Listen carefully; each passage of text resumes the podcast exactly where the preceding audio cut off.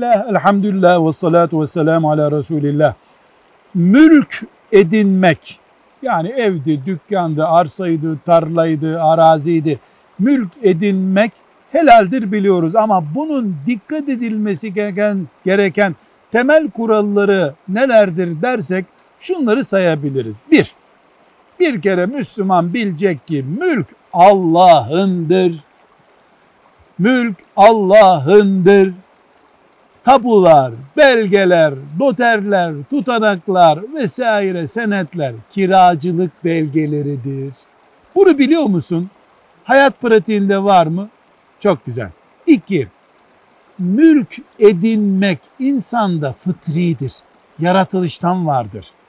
Sadece ihtiyarlar köydeki toprağını merak etmezler. Herkes için geçerlidir bu. Genç anlamaz toprak ne işe yapıyor. Babasının dairesinde oturuyor ondan dolayı.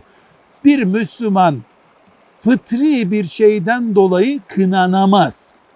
Ayıplanamaz. Zira yaratı yeter ki helal olsun.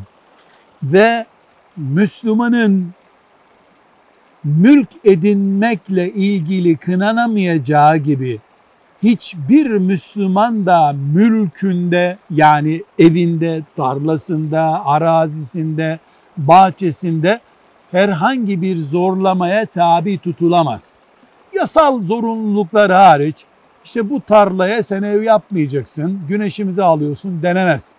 Bir yer bir Müslümanınsa bütün yasal haklarını kullanır. Ve dördüncü maddemiz diyoruz ki mülk Allah'ındır. Bir mülkte Allah'ın hakkı vardır. Bu hak tarım arazisi ise tarım zekatıdır.